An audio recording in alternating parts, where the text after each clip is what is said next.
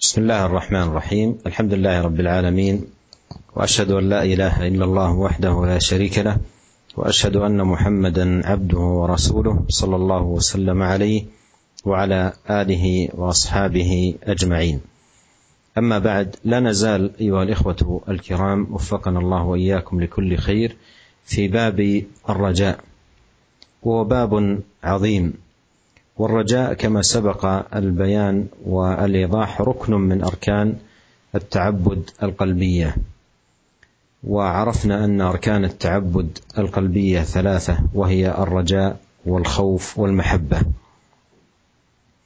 وقد وردت أحاديث كثيرة في الرجاء وأهميته وعظم شأنه في حياة المسلم. ساق الإمام النووي رحمه الله تعالى منها جملة جملة من الأحاديث ووصلنا إلى الحديث الخامس عشر. قال رحمه الله تعالى وعن معاذ بن جبل رضي الله عنه قال كنت رديف النبي على صلى الله عليه وسلم على حمار. فقال يا معاذ هل تدري ما حق الله على عباده؟ وما حق العباد على الله؟ قلت الله ورسوله أعلم. قال فإن حق الله على العباد أن يعبدوه ولا يشركوا به شيئا. وحق العباد على الله ألا يعذب من لا يشرك به شيئا. فقلت يا رسول الله أفلا أبشر الناس؟ قال لا تبشرهم فيتكلوا متفق عليه.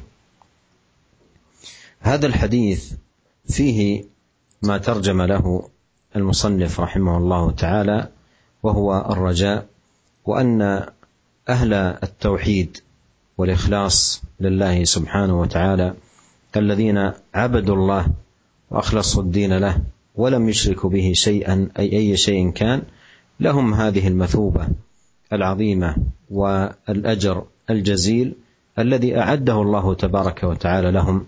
قال ألا يعذب من لا يشرك به شيئا. وهذا يتضمن بشارة عظيمة لأهل الإيمان وأهل التوحيد وأهل الإخلاص لله تبارك وتعالى بهذه بهذا الفوز العظيم الا يعذب الله تبارك وتعالى من لا يشرك به شيئا. وفي الحديث تواضع النبي صلوات الله وسلامه عليه ولطفه في تعامله مع أصحابه. ومعاذ رضي الله عنه من صغار الصحابة وقد أردفه النبي عليه الصلاة والسلام معه على الحمار وحاوره بهذا اللطف وبين له هذا البيان وفرح معاذ رضي الله عنه بما بين صلوات الله وسلامه عليه وأدرك أنها بشرى عظيمة لأهل التوحيد وأهل الإخلاص وأدرك ما في هذه ما في هذه البشارة من تقوية للرجاء بالله سبحانه وتعالى في قلب المسلم اذا كان مخلصا لله وبعيدا عن الاشراك به سبحانه وتعالى. Bismillahirrahmanirrahim. Alhamdulillah, segala puji dan syukur kita panjatkan kehadirat Allah Subhanahu wa taala atas segala limpahan karunia dan nikmat serta kemudahan yang Allah berikan kepada kita. Salawat dan salam semoga senantiasa tercurahkan kepada suri teladan kita, junjungan kita Nabi Muhammad sallallahu alaihi wasallam. Para pendengar yang dirahmati oleh Allah Subhanahu wa taala, kita masih berada dalam bab Ar-Raja yaitu yang merupakan bab yang sangat agung dan sebagaimana telah kita jelaskan pada pertemuan-pertemuan yang lalu bahwasanya roja merupakan amalan hati dan roja merupakan salah satu rukun dari rukun-rukun ibadah qalbiyah, ibadah hati. Kita tahu bahwasanya rukun-rukun ibadah qalbiyah ada tiga, yaitu ar-roja dan al-khauf dan al-mahabbah, pengharapan dan rasa takut kepada Allah serta cinta kepada Allah Subhanahu wa taala. Terlalu banyak hadis-hadis yang menjelaskan tentang uh, roja dan juga menjelaskan tentang urgensinya roja ya dalam hati seorang muslim dalam menjalani kehidupannya. Dan Al-Imam Nawawi rahimahullah telah membawakan banyak hadis-hadis tentang ar-raja. Di antara hadis-hadis tersebut yaitu hadis yang diriwayatkan dari Muaz bin Jabal radhiyallahu taala anhu. Beliau mengatakan, "Kuntu ridfan Nabi sallallahu alaihi wasallam ala himar."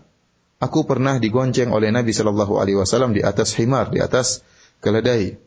Kemudian Nabi sallallahu alaihi wasallam berkata, Ya Mu'adz, hal tadri ma haqqullahi ala ibadihi wa ma haqqul ibad ala Allah? Wahai Mu'adz, tahukah engkau apa hak Allah atas hamba-hambanya dan apa hak hamba atas Allah Subhanahu wa taala? Aku berkata, Allah wa rasuluhu a'lam. Demikian jawaban Mu'adz. Kemudian Nabi Shallallahu Alaihi Wasallam berkata, Mu'adz mengatakan Allah dan Rasulnya lebih mengetahui. Kemudian Nabi Shallallahu Alaihi Wasallam berkata, Fa inna haqallahi alal ibad ayya'buduhu wa la yushriku bihi syai'a. Sungguhnya hak Allah atas hamba-hamba, yaitu para hamba hanya menyembah kepada Allah saja dan tidak berbuat syirik sama sekali. Wa haqqal ibadi 'ala Allah an la yu'adziba man la yusyriku bihi syai'a. Dan hak hamba atas Allah, yaitu Allah Subhanahu wa taala tidak mengadab orang yang tidak berbuat syirik sama sekali. Maka Mu'adz berkata, Fakultu ya Rasulullah, aku berkata, wahai Rasulullah, afala ubashirun nas? Tidakkah aku kabarkan kabar gembira ini kepada masyarakat, kepada manusia? Qala la tubashshirhum fayattakilu. Kata Nabi wasallam, jangan kau kabarkan kepada mereka, nanti mereka akan uh, menyandarkan pada hal ini. Muttafaqun alaih. Diriwayatkan oleh Imam Bukhari dan Imam Muslim. Para pendengar yang dirahmati oleh Allah Subhanahu wa taala, dalam hadis ini menjelaskan apa yang telah di, diberi judul oleh uh, Al-Imam Nawawi tentang pentingnya raja, tentang urgensinya raja, terutama kabar gembira bagi ahli tauhid dan ahli ikhlas. Pengharapan yang sangat besar bagi orang-orang yang bertauhid dan orang-orang yang ikhlas. Yang mereka beribadah kepada Allah saja. Mereka ikhlas dalam ibadah mereka. Dan mereka tidak berbuat syirik sama sekali. Mereka ini akan mendapatkan ganjaran yang sangat agung. Yaitu kata Nabi Shallallahu Alaihi Wasallam, Allah yu'adziba ma la bihi syai'a. Allah tidak akan mengadab mereka. Allah tidak akan mengadab orang berbuat syirik sama sekali. Ini merupakan kabar gembira yang sangat besar. Bagi siapa? Bagi ahli ikhlas, orang-orang ikhlas dan ahli tauhid. Orang-orang yang ber, bertauhid, mereka akan mendapatkan kemenangan yang besar dengan tidak diadab oleh Allah sama sekali. Dan dalam hadis ini juga disebutkan tentang bagaimana tawaduknya Nabi Shallallahu Alaihi Wasallam, rendah dirinya Nabi Shallallahu Alaihi Wasallam, dan bagaimana lembutnya muamalah Nabi Shallallahu Alaihi Wasallam dengan para sahabat. Lihatlah Muadz bin Jabal radhiyallahu anhu. Beliau termasuk dari sigar sahabat, dari sahabat-sahabat yang junior, yang masih kecil. Beliau digonceng oleh Nabi Shallallahu Alaihi Wasallam, ya, diletakkan di belakang Nabi Shallallahu Alaihi Wasallam di atas, ya, keledai di atas himar, kemudian berbincang-bincang dengan Nabi Shallallahu Alaihi Wasallam, kemudian ya terjadi uh, hiwar yaitu perbincangan antara Nabi Shallallahu Alaihi Wasallam dengan Muaz bin Jabal. Kemudian setelah terjadi perbincangan tersebut tentang keutamaan tauhid, maka Muaz bin Jabal radhiyallahu anhu pun paham bahwasanya ada kabar gembira bagi ahli tauhid dan bagi orang-orang ikhlas dan dengan kabar gembira dari Nabi sallallahu alaihi wasallam menguatkan roja pengharapan dalam hati seorang muslim jika dia bertauhid dan ikhlas kepada Allah Subhanahu wa taala. ثم أورد الإمام النووي رحمه الله تعالى حديث البراء بن عازب رضي الله عنهما عن النبي صلى الله عليه وسلم قال المسلم إذا سئل في القبر يشهد أن لا إله إلا الله وأن محمدا رسول الله فذلك قوله تعالى يثبت الله الذين آمنوا بالقول الثابت في الحياة الدنيا وفي الآخرة ويضل الله الظالمين ويفعل الله ما يشاء. متفق عليه. هذا الحديث فيه عظيم رحمة الله بعبده المؤمن في الدنيا والآخرة. أما في الدنيا بأن وفقه سبحانه وتعالى لأن يكون من أهل لا إله إلا الله محمد رسول الله نطقا وعملا. وأما في الآخرة بما يثبته الله سبحانه وتعالى في قبره ويوم حشره كما قال الله عز وجل يثبت الله الذين آمنوا بالقول الثابت في الحياة الدنيا وفي الآخرة.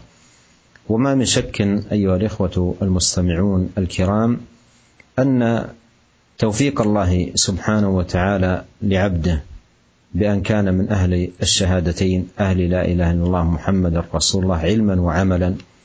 لا شك أنه من البشائر العظيمة ودلائل الخير والتوفيق بإذن الله سبحانه وتعالى وفتح عظيم لباب الرجاء والطمع في مثوبة الله سبحانه وتعالى لتحقق هذا الأصل العظيم والاساس المتين الذي ينبني عليه دين الله.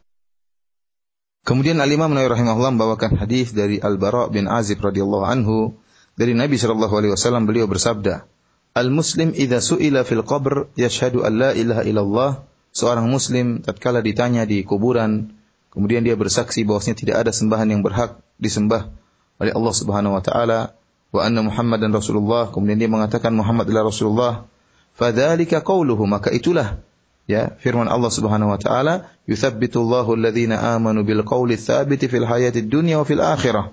Sungguhnya Allah Subhanahu wa taala mengkokohkan orang-orang yang beriman dengan perkataan yang kokoh yang lurus dalam kehidupan dunia dan dalam kehidupan akhirat.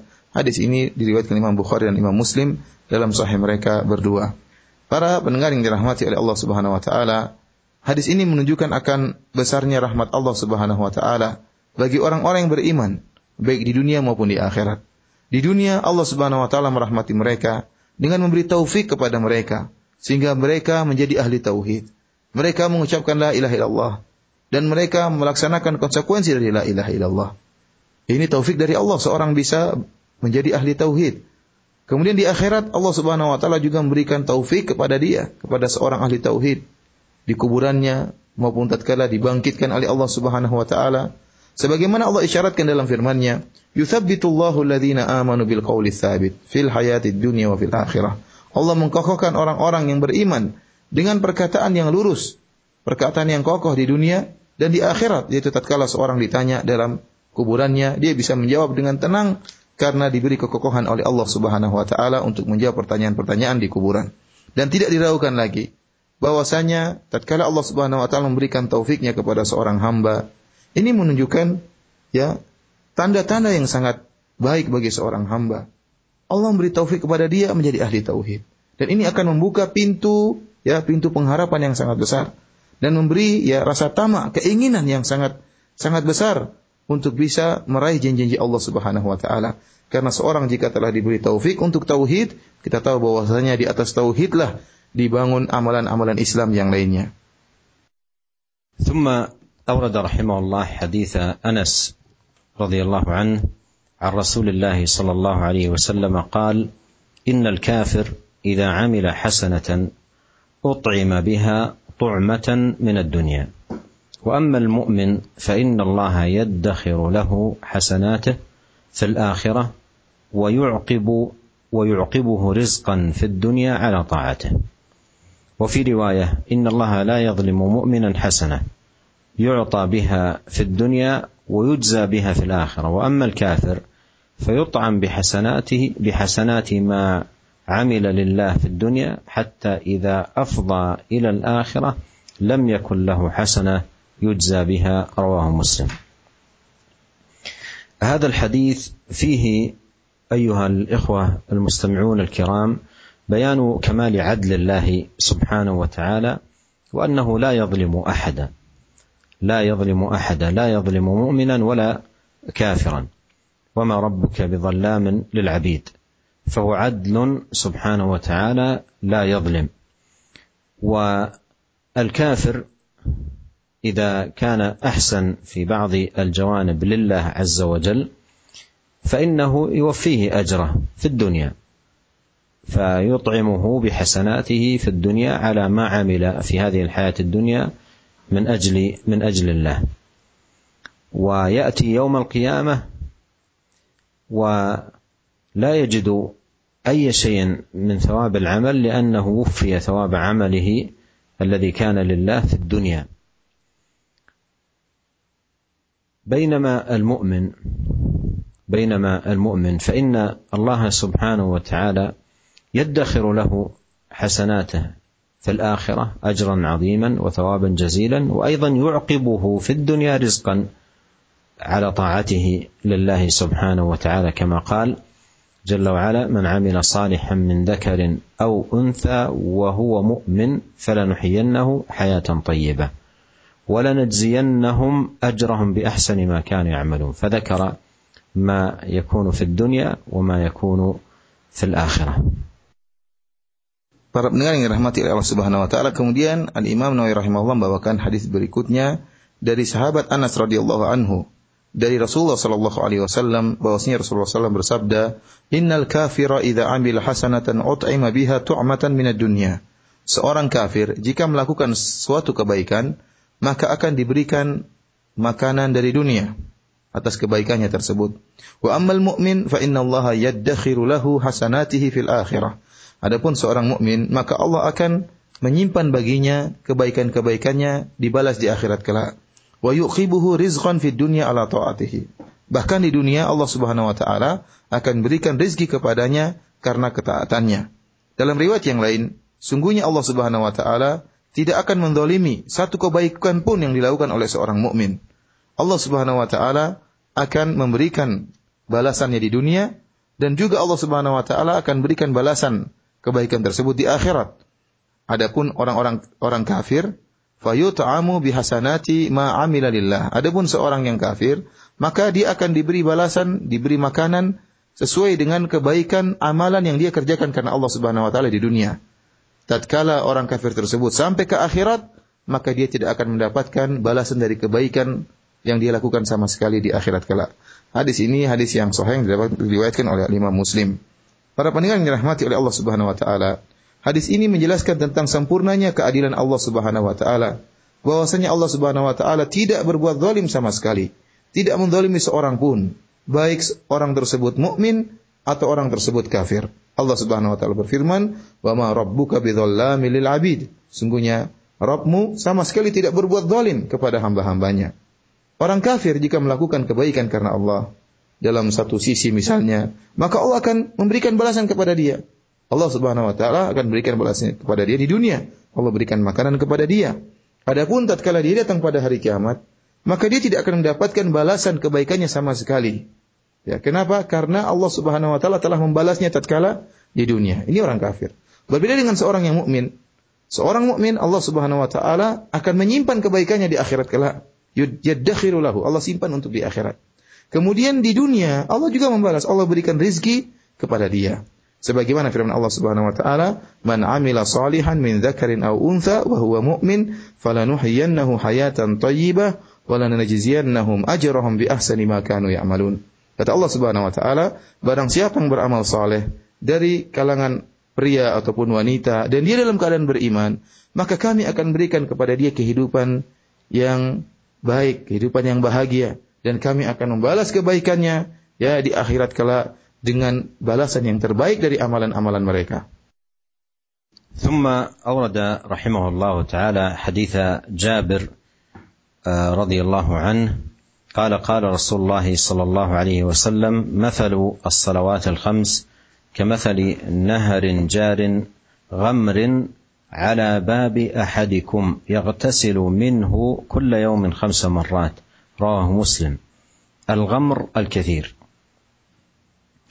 لنتأمل أيها الإخوة المستمعون الكرام في هذا المثل العظيم الذي ضربه النبي صلى الله عليه وسلم لبيان مكانة الصلاة وعظيم أثرها في تكفير الذنوب. ولنتصور هذا المثل جيدا. لو أن بباب أحدنا أي أمام بيته نهرا جاريا غمرا أي كثير الماء. وكل يوم يغتسل في هذا الماء وهذا النهر الجاري كثير الماء كل يوم يغتسل فيه خمس مرات. كيف يكون جسمه نظافة وحسنا وطيبا ونقاء؟ وسلامة من الأوساخ ونحو ذلك. هل يبقى من درنه شيء؟ لا شك أن أن إنسانا بهذه الصفة أمام بيته نهر من الماء جاري وأيضا غمر وكثير وخمس مرات يغتسل فيه في اليوم. لا شك أن هذا له أثر عظيم على نقاء بدنه. فالصلاة شأنها كذلك في نقاء الإنسان من الذنوب وتكفير السيئات. وهذا من رحمة الله سبحانه وتعالى بالعباد وبأهل الإيمان حيث شرع لهم هذه الصلاة وهذه العبادة العظيمة المباركة وصاروا بها كمثل حال هذا الرجل الذي عند ما به نهر. فالله أكبر ما أعظم هذا النهر نهر الصلاة؟ وما أجل فائدته؟ وما أغزر عوائده؟ وما أكبر بركاته وخيراته؟ والمحروم من حرم والعياذ بالله خيرات هذا النهر المبارك وعوائده آه، العظيمة المباركة. والحديث ولا شك يحمل بشارة عظيمة. لمن كان من أهل الصلاه والمحافظه عليها في اوقاتها كما أمر الله سبحانه وتعالى بذلك ولا شك انه يرجى له خير عظيم في غفران الذنوب وتكفير السيئات ورفعه الدرجات. Kemudian Al Imam Nawawi rahimahullah membawakan hadis berikutnya dari Jabir radhiyallahu anhu bahwasanya Rasulullah SAW bersabda, "Mathalus salawatil khamsi kamathali nahrin jarin ghamrin ala babi ahadikum yaktasilu minhu kulla yaumin khamsa marrat." Permisalan salat lima waktu seperti sungai yang mengalir dengan deras ya dengan air yang banyak di depan ya pintu rumah salah seorang dari kalian. Kemudian dia mandi dari sungai tersebut setiap hari lima kali. Hadis ini hadis yang sahih yang diriwayatkan oleh Al Imam Muslim. Para pendengar dan para pemirsa yang dirahmati oleh Allah Subhanahu wa taala, perhatikanlah hadis ini. Ini merupakan perumpamaan yang agung yang dijelaskan oleh Nabi Shallallahu alaihi wasallam tentang bagaimana agungnya kedudukan salat dan bagaimana ya pengaruh yang sangat besar dari salat dalam menghapuskan dosa-dosa. Mari kita renungkan ya, dengan baik perumpamaan ini. Kalau seandainya salah seorang ya dari kita di depan rumahnya ada sebuah sungai yang mengalir air yang banyak. Kemudian dia pun mandi dari sungai tersebut lima kali sehari. Bagaimana tubuhnya? Tentu sangat bersih.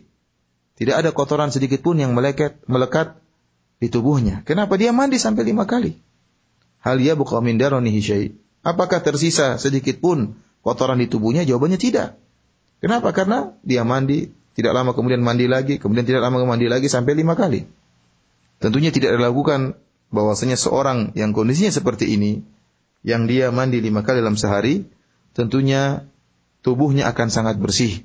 Tidak ada kotoran sedikit pun yang tersisa dalam tubuhnya. Ini menunjukkan solat merupakan ya perkara yang sangat penting, ya yang memiliki pengaruh yang sangat besar dalam menghapuskan dosa-dosa. Dan ini merupakan karunia yang besar dari Allah Subhanahu wa taala dan merupakan rahmat Allah Subhanahu wa taala kepada hamba-hambanya. Tatkala Allah mensyariatkan ibadah solat. Allahu Akbar ya. Betapa ya indah sungai ini, sungai solat dan betapa banyak berkah yang keluar yang bisa didapatkan dari sungai solat ini. Sungai solat ini akan bersihkan segala dosa-dosa. Ya, seorang hamba yang dia melaksanakan sholat lima waktu. Dan orang yang benar-benar terhalangi dari dari kenikmatan, yaitu orang-orang yang terhalangi dari keberkahan sungai solat ini. Oleh karenanya hadis ini ya tidak dilakukan lagi membawakan kabar gembira yang sangat besar bagi orang-orang yang menjaga sholatnya lima waktu tepat pada waktunya dan diharapkan bagi dia dengan sholatnya tersebut akan menghapuskan dosa-dosanya dan bagi dia ya rifatun lidarajat dan akan mengangkat derajatnya di sisi Allah Subhanahu wa taala. ثم أورد المصنف رحمه الله تعالى حديث ابن عباس رضي الله عنهما قال سمعت رسول الله صلى الله عليه وسلم يقول ما من رجل مسلم يموت فيقوم على جنازته أربعون رجلا لا يشركون بالله شيئا إلا شفعهم الله فيه رواه مسلم. وهذا فيه أيها الإخوة المستمعون الكرام الشفاعة للمؤمنين وعظيم آه نفعها للميت. إذا كان الميت من أهل الشفاعة. إذا كان الميت من أهل الشفاعة فشفاعتهم له بأن يغفر الله ذنبه. نافعة له بإذن الله لقوله عليه الصلاة والسلام في الحديث إلا شفعهم الله فيه أي قبل شفاعتهم فيه فغفر له. وهذا يتضمن آه، فائدة الصلاة على الميت وحضور الجنازة والدعاء للميت بصدق أن يغفر الله له وأن يرحمه بالدعاء الماثور عن نبينا الكريم صلوات الله وسلامه وبركاته عليه. Kemudian Al-Imam Nawawi rahimahullah membawakan hadis berikutnya dari Ibnu Abbas radhiyallahu taala Beliau mengatakan, saya mendengar Rasulullah SAW bersabda, tidak seorang muslim pun yang meninggal dunia. Fayakumu ala janazatihi arba'una rajulan. Kemudian ada 40 orang yang ya salat terhadap dia, menyolatkannya. La yusyrikuna billahi syai'a, ya dengan syarat 40 orang tersebut tidak berbuat syirik sama sekali kepada Allah.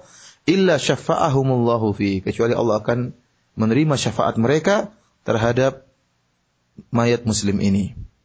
Para pendengar yang dirahmati oleh Allah Subhanahu wa taala, ya. Dalam hadis ini menjelaskan tentang adanya syafaat bagi orang yang telah meninggal dunia, seorang mukmin yang meninggal dunia. Dan syafaat ini sangat bermanfaat bagi orang yang setelah meninggal dunia. Tentunya jika sang mayat memang berhak untuk mendapatkan syafaat.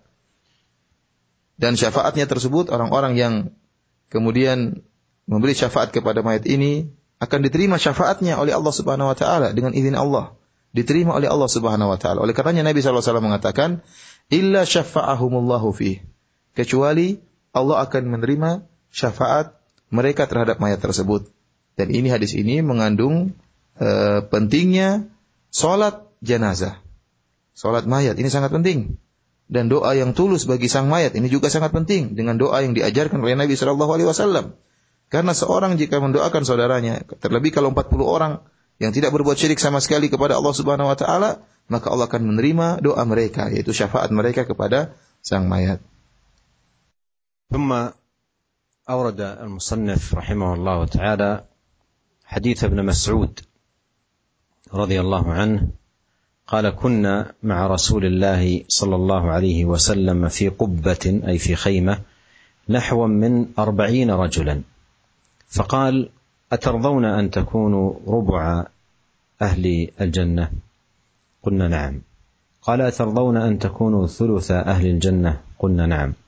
قال والذي نفس محمد بيده إني لأرجو أن تكونوا نصف أهل الجنة. وذلك أن الجنة لا يدخلها إلا نفس مسلمة. وما أنتم في أهل الشرك إلا كالشعرة البيضاء في جلد الثور الأسود أو كالشعرة السوداء في جلد الثور الأحمر. متفق عليه. هذا الحديث فيه فضل أمة محمد عليه الصلاة والسلام وهم كما جاء في الحديث الآخرون الأولون وأنها أمة مرحومة. وكما جاء في هذا الحديث عن نبينا صلى الله عليه وسلم قال إني لأرجو أن تكونوا نصف أهل الجنة بحيث يكون آه، من أمته. عليه الصلاة والسلام نصف أهل الجنة والباقون من الأمم الكثيرة التي آه، قبل أمة محمد صلوات الله وسلامه عليه. ولا شك أن هذا فيه فضل آه، أمة محمد وكثرة أتباعه عليه الصلاة والسلام بخلاف الأنبياء قبله. وقد قال عليه الصلاة والسلام تزوجوا الودود الولود فإني مكاثر بكم الأمم يوم القيامة. فهم أكثر فهو عليه الصلاة والسلام أكثر النبيين آه، تابعا. أتباعه عليه الصلاة والسلام آه، أكثر من أتباع الأنبياء آه، قبله. ولهذا كان نصف أهل الجنة من أمته والنصف الآخر من الأمم التي قبله.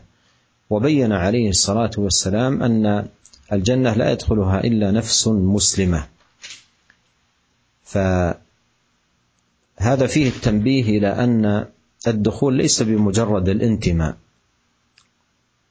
الانتماء المجرد بل لا بد من الاتباع الصادق والاستسلام والانقياد ولزوم هدي النبي الكريم عليه الصلاة والسلام حتى يكون من هؤلاء الذين يفوزون بدخول جنة النعيم وينجون من سخط الله سبحانه وتعالى وعقابه وناره. Kemudian Al-Imam Nawawi rahimahullah membawakan hadis dari Ibnu Mas'ud radhiyallahu taala anhu. Beliau berkata, kami suatu hari bersama Rasulullah sallallahu alaihi wasallam dalam sebuah kemah. Sekitar ada 40 orang eh, lelaki dalam kemah tersebut. Maka Nabi sallallahu alaihi wasallam berkata, "Atardawna an takunu ruba ahli jannah?" Apakah kalian ridha kalau kalian merupakan seperempat penduduk surga? Qulna na'am, kami menjawab, "Iya ya Rasulullah." Kemudian Rasulullah SAW bertanya lagi, Ataradawna an takunu thulutha ahli jannah? Apakah kalian ridho senang jika kalian adalah sepertiganya penduduk surga? Kami menjawab, na'am. Iya wahai Rasulullah. Maka Rasulullah SAW berkata, Walladhi nafsu Muhammadin biyadihi, inni la arju an takunu nisfa ahli jannah. Demi zat, demi zat yang jiwa Muhammad berada di tangannya. Sungguhnya aku sangat berharap kalian adalah setengah dari penduduk surga. Kenapa? Karena penduduk surga Surga itu tidak dimasuki kecuali jiwa yang muslimah, yang berserah diri. Dan kalian dibandingkan dengan ahli syirik, kalian dibandingkan dengan para pelaku kesyirikan seperti ya eh, sehelai eh, rambut yang putih di kulit eh, thaur yaitu banteng yang hitam. Atau sebaliknya, kalian itu dibandingkan dengan ahli syirik, para pelaku kesyirikan, seperti sehelai rambut yang hitam di uh, kulit uh, banteng yang putih. Hadis ini hadis yang diriwayatkan oleh Imam Bukhari dan Imam Muslim.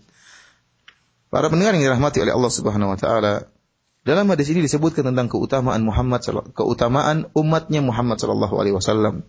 Dalam hadis disebutkan antum al-akhirun al-awwalun. Bahwasanya kalian adalah yang terakhir akan tapi kalian yang lebih dahulu. Ya, lebih dahulu daripada umat-umat sebelumnya. Dan bahwasanya umat Muhammad adalah umatun marhumah. Umat yang dirahmati oleh Allah Subhanahu wa taala. Sebagaimana dijelaskan dalam hadis ini, Nabi SAW mengatakan, Inilah arju antakunu nisfu ahli jannah. Aku sungguh-sungguh berharap kalian wahai umat Muhammad akan mengisi setengah dari penduduk surga. Artinya apa? Setengah penduduk surga dari umat Muhammad sallallahu alaihi wasallam. Setengahnya lagi dari umat-umat sebelum Nabi Muhammad sallallahu alaihi wasallam dari umat-umat para nabi.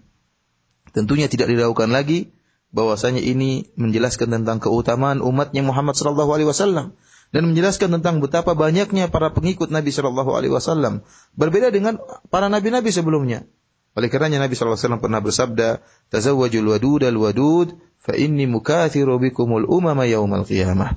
Kata Nabi Shallallahu Alaihi eh, menikahilah wanita yang penyayang dan juga yang subur, ya agar memiliki anak yang banyak. Sungguhnya aku bangga dengan uh, dengan jumlahku yang banyak di hadapan umat-umat terdahulu atau para nabi-nabi terdahulu. Oleh karenanya Nabi Shallallahu Alaihi Wasallam memiliki pengikut yang terbanyak. Karenanya uh, uh, penduduk surga setengahnya dari umat Muhammad Shallallahu Alaihi Wasallam. Adapun sisanya maka dari Eh, pengikut nabi-nabi sebelumnya. Dan ingat Rasulullah SAW mengatakan, "Wadzalika annal jannata la yadkhuluha illa nafsun muslimah." Ketahuilah bahwasanya surga itu tidak mungkin dimasuki kecuali oleh jiwa yang muslimah yang menyerahkan diri.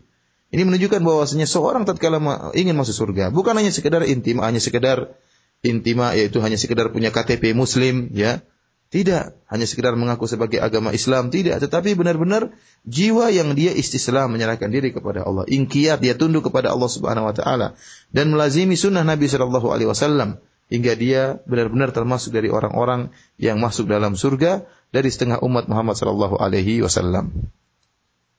ثم أورد الإمام النووي رحمه الله تعالى حديث ابي موسى الاشعري رضي الله عنه قال قال رسول الله صلى الله عليه وسلم اذا كان يوم القيامه دفع الله إلى كل مسلم يهوديا أو نصرانيا فيقول هذا فكاكك من النار وفي رواية عنه عن النبي صلى الله عليه وسلم قال يجيء يوم القيامة ناس من المسلمين بذنوب أمثال الجبال يغفرها الله لهم. رواه مسلم.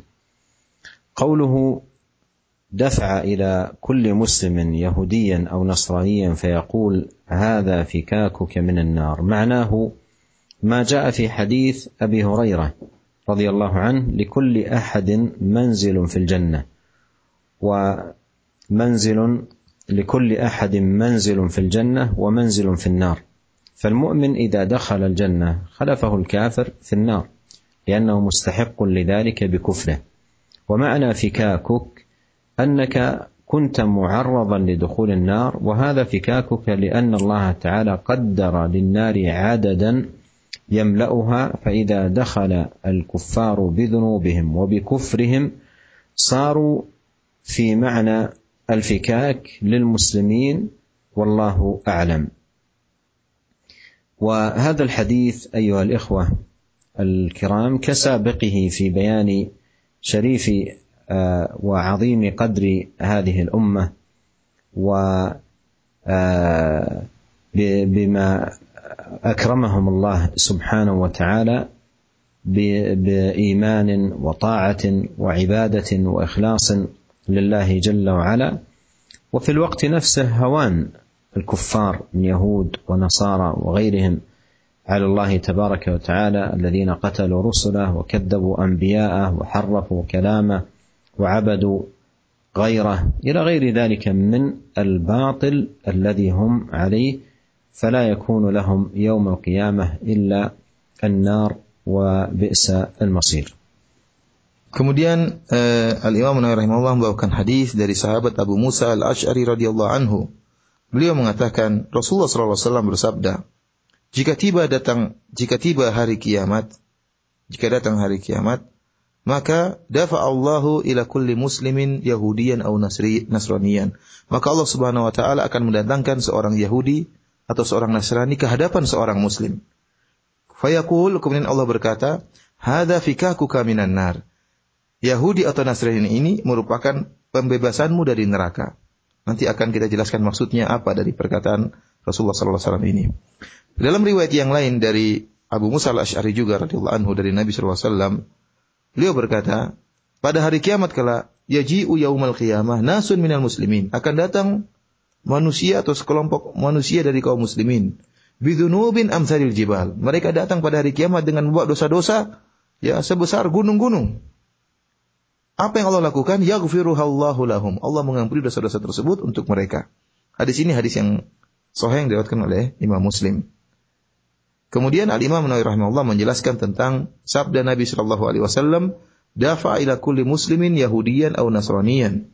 Allah Subhanahu wa taala ya mendatangkan seorang Yahudi atau seorang Nasrani ke hadapan seorang muslim.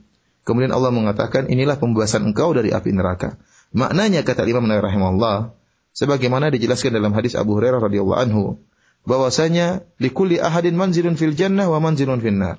Setiap muslim itu telah dicatat kedudukan dia di surga dan kedudukan dia di neraka.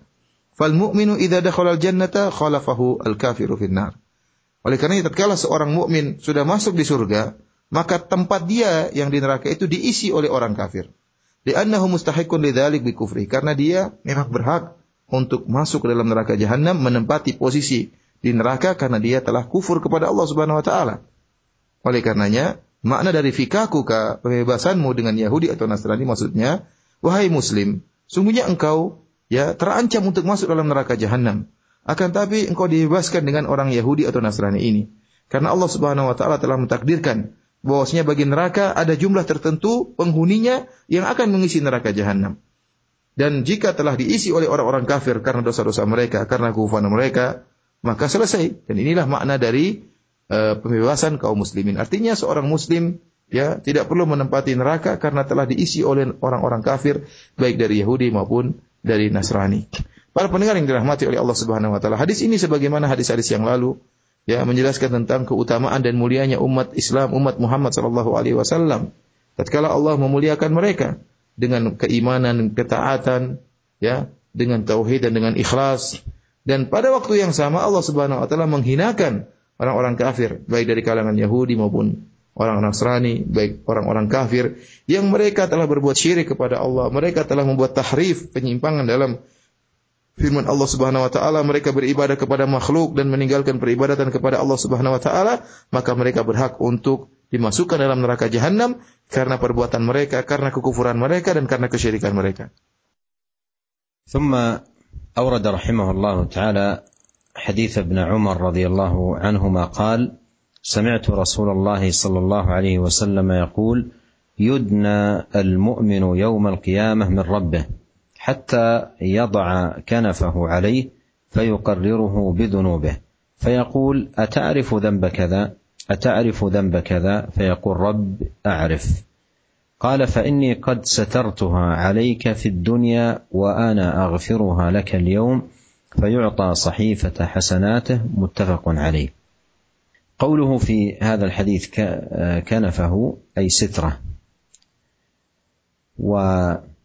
وهذا الحديث أيضا هو من جملة الأحاديث التي فيها الرجاء وأن المؤمن يرجى له الرحمة والمغفرة وتكفير الذنوب والسيئات ولكن ينبغي على المسلم أن يتنبه إلى أهمية العمل الصالح والاستسلام لله والانقياد والطاعة والاتباع لهدي رسول الله صلوات الله وسلامه عليه.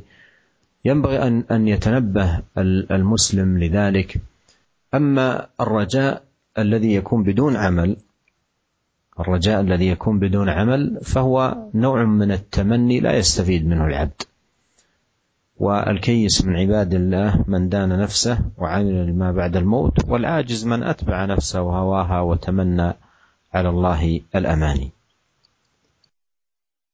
Kemudian uh, Al Imam Nawawi rahimahullah membawakan hadis berikutnya dari Ibnu uh, dari sahabat Ibnu Umar radhiyallahu taala anhu, beliau mengatakan, saya mendengar Rasulullah sallallahu alaihi wasallam bersabda, seorang mukmin yudunal mu'minu yaumal qiyamah min rabbih hatta yadha'a kanafahu alaih.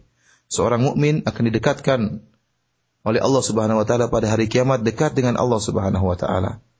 Sampai akhirnya sangat dekat dan Allah meletakkan rahmatnya kepada orang mukmin tersebut. Kemudian Allah Subhanahu wa taala menjelaskan tentang dosa-dosa orang mukmin ini. Allah berkata kepada orang mukmin ini, "Ata'rifu dzamba hadza?" Kau tahu dosamu ini? Ata'rifu dzamba kada? Tahukah kau dosamu ini? Ya Allah ingatkan kembali dia tentang dosa-dosa yang pernah dia lakukan. Fayaqul maka orang mukmin ini berkata, "Rabbi a'rif, saya tahu ya Allah. Wahai Rabbku, saya tahu dosa tersebut, saya ingat." Maka kata Allah Subhanahu wa taala, "Fa inni qad sasartuha 'alaika fid dunya." Sungguhnya di dunia saya telah menutupi aibmu ini, menutupi dosamu ini. Wa ana aghfiruha lakal yaum dan pada hari ini aku akan mengampuni dosamu. Fayu'ta sahifata hasanatihi maka kemudian diberikan kepadanya catatan kebaikannya. Muttafaqun alaih diriwayatkan Imam Bukhari dan Imam Muslim. Para pendengar yang dirahmati oleh Allah Subhanahu wa taala, hadis ini termasuk dari hadis-hadis yang menjelaskan tentang harapan ya bahwasanya seorang muslim, seorang mukmin diharapkan baginya rahmat Allah yang luas dan diharapkan baginya pengampunan dosa-dosa. Ya. Akan tapi yang perlu diingat bagi seorang muslim yaitu bahwasanya dia harus beramal soleh. Ya dia tidak hanya berharap tetapi disertai dengan amalan soleh. Tunduk kepada perintah Allah Subhanahu wa taala, taat kepada perintah Allah, melazimi sunnah Rasulullah sallallahu alaihi wasallam. Ya. Ada adapun hanya berharap namun tidak beramal, maka ini hanyalah angan-angan yang tidak ada faedahnya. Al-kayyis mandana nafsahu wa amila lima ba'dal maut. Orang yang cerdas yaitu seorang yang menundukkan hawa nafsunya, ya, kemudian dia beramal untuk beramal soleh untuk hari akhiratnya. Adapun al-ajiz, adapun orang yang yang malas yaitu seorang yang mengikuti hawa nafsunya, kemudian dia pun berangan-angan, ya, berangan-angan ingin masuk surga tanpa beramal soleh sama sekali. Dia adalah orang yang yang lemah, orang yang bodoh. ثم أورد رحمه الله تعالى حديث عبد الله بن مسعود رضي الله عنه أن رجلا أصاب من امرأة قبلة فأتى النبي صلى الله عليه وسلم فأخبره فأنزل الله تعالى وأقم الصلاة طرفي النهار وزلفا من الليل إن الحسنات يذهبن السيئات فقال الرجل ألي هذا يا رسول الله؟ قال لجميع أمتي كلهم متفق عليه. هذا الحديث فيه فتح لباب الرجاء لأمة محمد عليه الصلاة والسلام وأن من أحدث ذنبا أو وقع في خطيئة فلا يقنط ولا يستولي عليه اليأس بل عليه أن يتبع السيئة الحسنة تمحها. كما قال الله تعالى إن الحسنات يذهبن السيئات. فهذا رجل في زمن النبي صلى الله عليه وسلم أصاب من امرأة قبلة فأتى النبي صلى الله عليه وسلم أخبره بذلك قبلة واحدة وجاء إلى النبي صلى الله عليه وسلم يخبره بها لأنه يخاف من التبعة ويخاف من العاقبة. فانظروا جمال هذا الإيمان وكيف أن أقواما يلغون في أنواع من الفواحش والمحرمات ولا يقع في قلبه خوف. ولا يقع في قلبه خوف. ولا كأنه سيبعث ويحاسب ويعاقب على هذه الأعمال عملا عملا. واحدا واحدا يحاسبه الله تبارك وتعالى عليها. إن لم يتغانم نفسه بتوبة وأعمال صالحة ولجوء إلى الله سبحانه وتعالى. فهذا حصلت منه قبلة وجاء مشفقا خائفا وأخبر النبي صلى الله عليه وسلم يريد العلاج. فقال له عليه الصلاة والسلام فأنزل الله قوله وأقم الصلاة طرفي النهار وزلفا من الليل إن الحسنات يذهبن السيئات. فقال الرجل ألي هذا يا رسول الله؟ أي هذا الحكم الذي جاء في هذه الآية الكريمة خاص بي أو أنه يشمل غيري؟ فقال له عليه الصلاة والسلام لجميع أمتي كلهم ليس لك خاصة بل هذا الحكم لجميع الأمة بمعنى أن الإنسان عليه أن يحرص على الحسنات والاستكثار من الطاعات وأن يتبع السيئة الحسنة تمحها. والآية فيها دليل على هذا المعنى. لما جاء الرجل وذكر ما فعل قال له النبي عليه السلام أنزل الله قوله وأقم الصلاة طرفي النهار يعني في الغدو والعشي وزلفا من الليل أي ساعات منه. إن الحسنات يذهبن السيئات. Kemudian Al-Imam Nawawi rahimahullah membawakan hadis berikutnya dari sahabat Ibnu Mas'ud radhiyallahu taala anhu. bahwasanya ada seorang lelaki yang asaba min imra'atin qablah, dia mencium seorang wanita yang uh, tidak halal baginya. Fa'ata Nabi sallallahu alaihi wasallam fa akhbarahu fa anzala Allah taala wa aqimna salata tarafay an-nahar wa zulafa min al-lail innal hasanati yudhhibna sayyi'at. Maka dia pun datang menemui Nabi sallallahu alaihi wasallam dan dia mengabarkan kepada Nabi sallallahu alaihi wasallam bahwa dia telah mencium seorang wanita, maka Allah Subhanahu wa taala menurunkan firman Allah, dirikanlah solat tatkala di uh, petang hari dan juga di di pagi hari dan waktu di beberapa waktu di malam hari Innal hasanati yudhibna sayyiat. Sungguhnya kebaikan-kebaikan akan menghapus dosa-dosa. Maka lelaki ini yang telah mencium seorang wanita yang tidak halal baginya, dia berkata, "Alihada ya Rasulullah?" Ya. Apakah bagi saya ya keutamaan ayat ini juga ya Rasulullah? Kata Nabi SAW, "Li jami'i ummati kullihim." Ya. Hal ini keutamaan ini berlaku bagi seluruh umatku.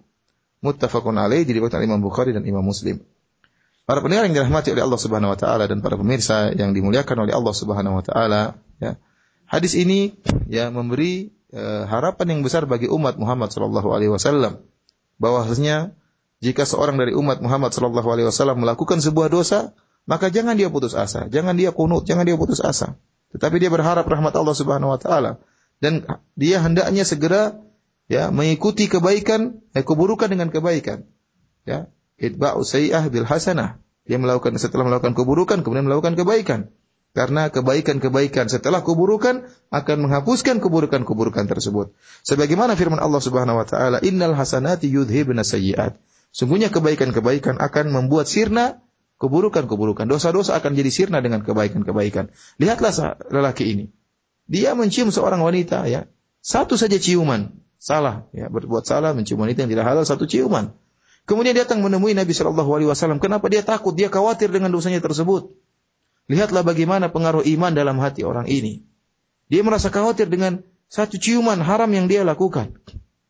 Kalau kita bandingkan dengan betapa banyak orang yang mereka tenggelam dalam kemaksiatan, tenggelam dalam berbagai macam kenistaan, kemudian tidak terbetik dalam hati mereka sama sekali rasa takut. Seakan-akan mereka tidak akan dibangkitkan oleh Allah Subhanahu wa taala. Seakan-akan mereka tidak dihisap oleh Allah Subhanahu wa taala, bahkan mereka akan dihisap oleh Allah Subhanahu wa taala satu persatu. Amalan demi amalan satu persatu akan diingatkan oleh Allah Subhanahu wa taala. Dosa demi dosa akan dihisap oleh Allah Subhanahu wa taala. Oleh karenanya, seorang yang telah terjerumus dalam dosa hendaknya dia bertobat dengan tobat yang benar, kembali kepada Allah Subhanahu wa taala dan segera memperbanyak amalan soleha. Lihatlah lelaki ini, tatkala dia melakukan satu ciuman yang haram, satu ciuman saja, maka dia pun khawatir. Dan dia datang menemui Nabi Shallallahu Alaihi Wasallam mencari obat, mencari ilaj, mencari obat. Bagaimana bisa menyembuhkan kekhawatiran dalam hatinya? Maka Nabi Shallallahu Alaihi Wasallam membacakan firman Allah Subhanahu Wa Taala, yaitu Allah Subhanahu Wa Taala berfirman, wa aqimus salata tarafayin nahari wa zulafan minal lail, innal hasanati yudhibna sayyiat. Hendaknya dirikanlah salat tarafayin nahar di pagi hari dan juga di petang hari, wa zulafan minal lail dan beberapa waktu dari malam hari. Innal hasanati yudhibna sayyiat. Sungguhnya kebaikan-kebaikan bisa membuat sirna dosa-dosa. Ini menunjukkan bahwasanya ibadah salat bisa menghapuskan dosa-dosa. Oleh karenanya laki itu berkata, apakah saya juga berhak mendapatkan keutamaan ini wahai Rasulullah? Kata Rasulullah SAW, wali jami'i ummati kullihim. Bahkan seluruh untuk seluruh umatku seluruhnya. Ya ini merupakan ya dalil ya tentang uh, hal ini bahwasanya dosa-dosa bisa dihapuskan dengan banyak kebaikan dan ini memberi pengharapan yang besar bagi umat Muhammad sallallahu alaihi wasallam. ثم أورد الإمام النووي رحمه الله تعالى حديث أنس رضي الله عنه قال جاء رجل إلى النبي صلى الله عليه وسلم فقال يا رسول الله أصبت حدا فأقمه علي.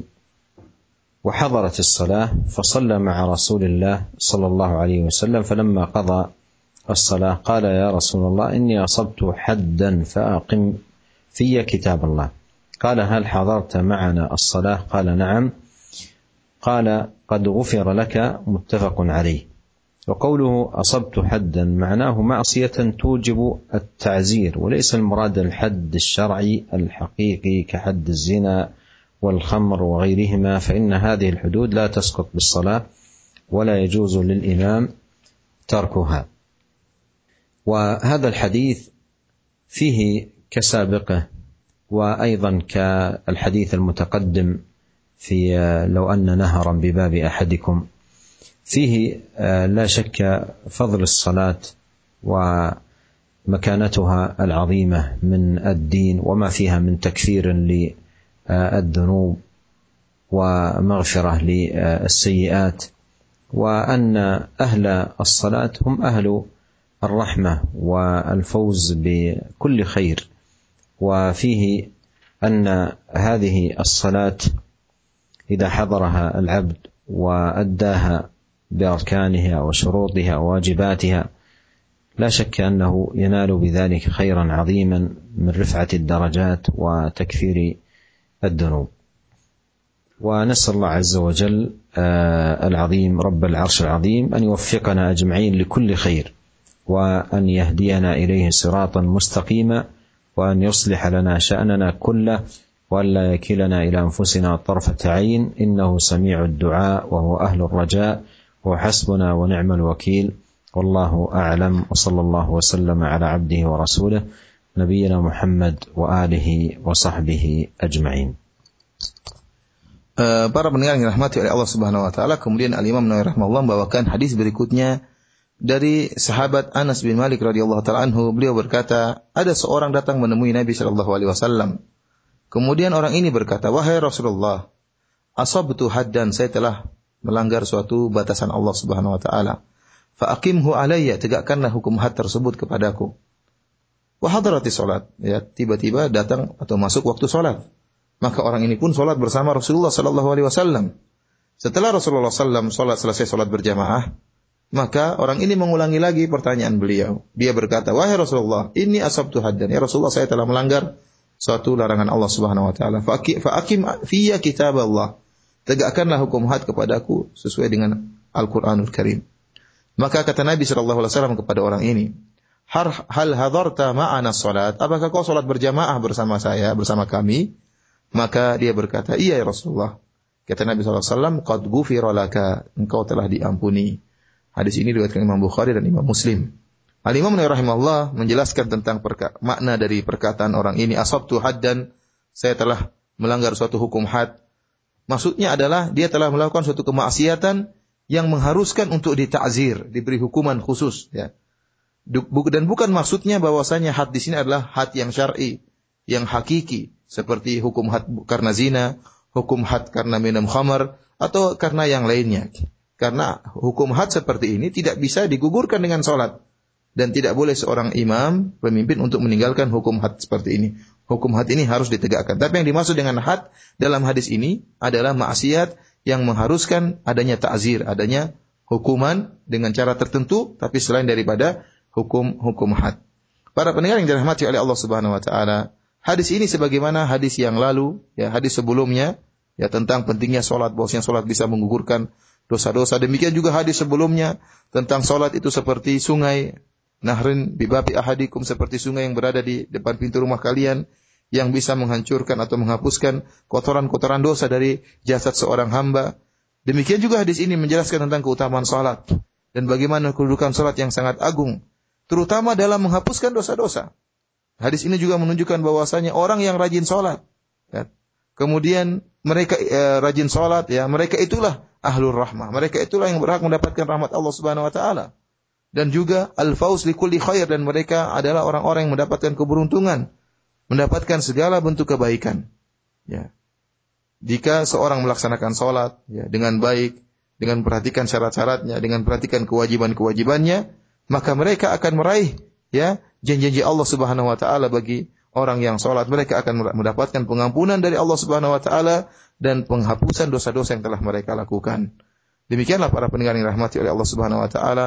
Semoga Allah Subhanahu wa taala senantiasa memberikan taufiknya kepada kita untuk bisa meraih segala bentuk kebaikan. Dan semoga Allah Subhanahu wa taala meluruskan dan perbaiki segala urusan kita. Dan semoga Allah Subhanahu wa taala ya ya menjadi menjadi ya pelindung kita dan uh, tempat kita menyerahkan segala urusan kita. Dan jangan sampai Allah Subhanahu wa taala menjadikan kita pasrah pada diri kita. Ya menyerahkan urusan pada diri kita sedikit pun. Akan tapi Allah Subhanahu wa taala yang mengatur segala urusan kita. Dan dialah Allah Subhanahu wa taala tempat kita berharap dan dialah Allah Subhanahu wa taala tempat kita untuk minta pertolongan. Demikian saja apa yang bisa disampaikan. Uh, selanjutnya saya kembalikan kepada akhi Fawaz Hafizahullah taala kami mengucapkan terima kasih pada Fadilatul Syekh Jazakallah khairan atas dars yang disampaikan juga untuk Al Ustaz uh, Abdul Musin Firanda atas terjemahan yang beliau uh, sampaikan di sore hari ini dari Khotal Islam untuk selanjutnya ada lima menit ke depan waktu kita untuk uh, menyampaikan pertanyaan yang uh, masuk melalui pesan singkat di sore hari ini. Ada pertanyaan dari pendengar kita seorang hamba Allah yang bertanya, Ya Syekh, saya merasa sangat takut terhadap apa yang telah saya lakukan dari dosa-dosa yang saya merasa takut bahwa Allah Subhanahu wa taala tidak mengampuninya.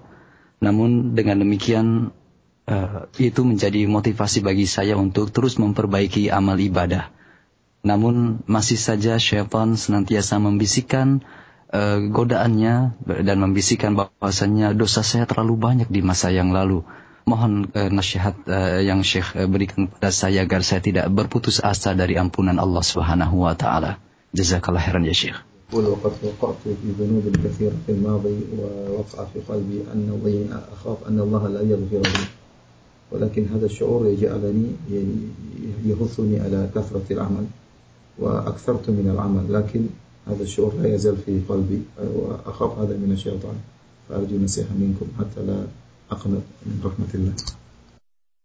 أنصح هذا السائل أن يقرأ مرات وكرات قول الله سبحانه وتعالى في في سورة الزمر قل يا عبادي الذين أسرفوا على أنفسهم لا تقنطوا من رحمة الله.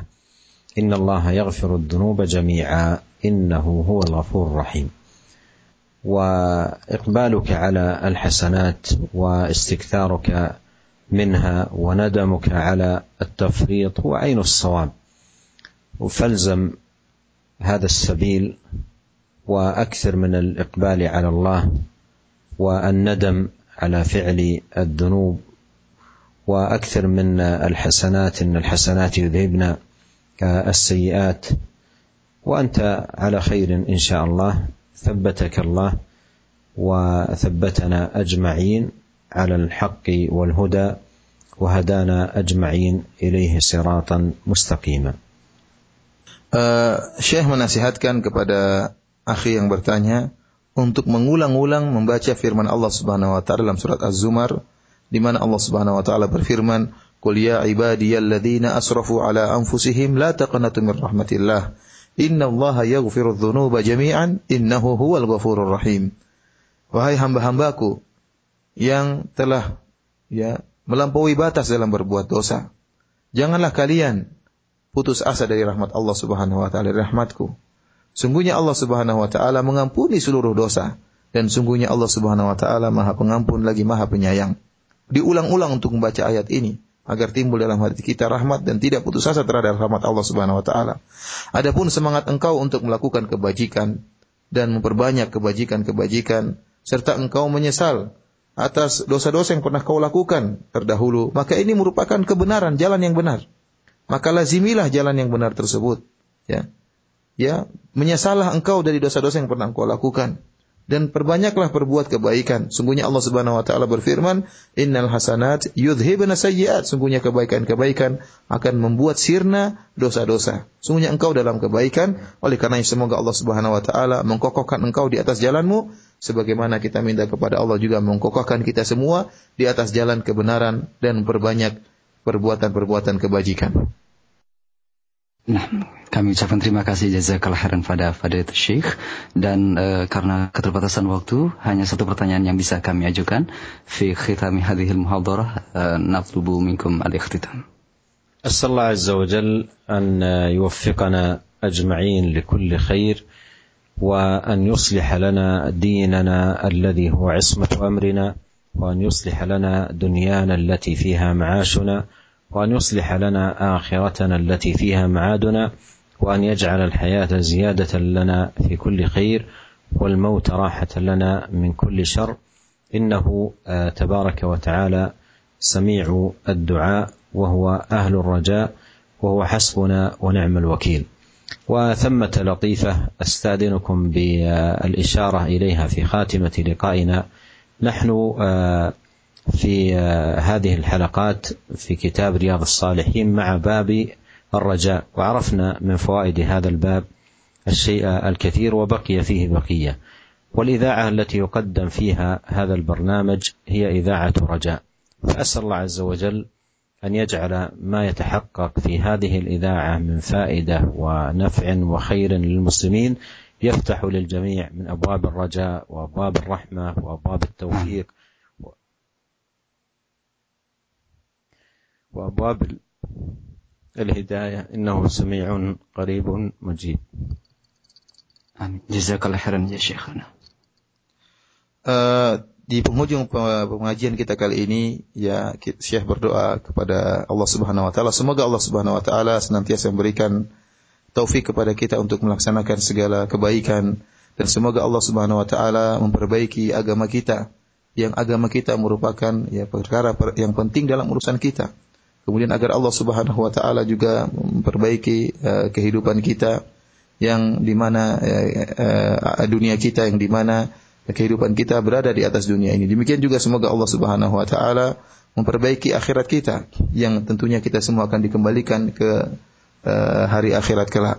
Dan semoga Allah menjadikan kehidupan kita ini sebagai tambahan dalam melakukan segala kebajikan dan kalau kita meninggal dunia merupakan bentuk peristirahatan dari segala perbuatan keburukan. Sungguhnya Allah Subhanahu wa taala adalah tempat berharap dan dialah tempat kita mohon permohon, memohonkan permohonan kita.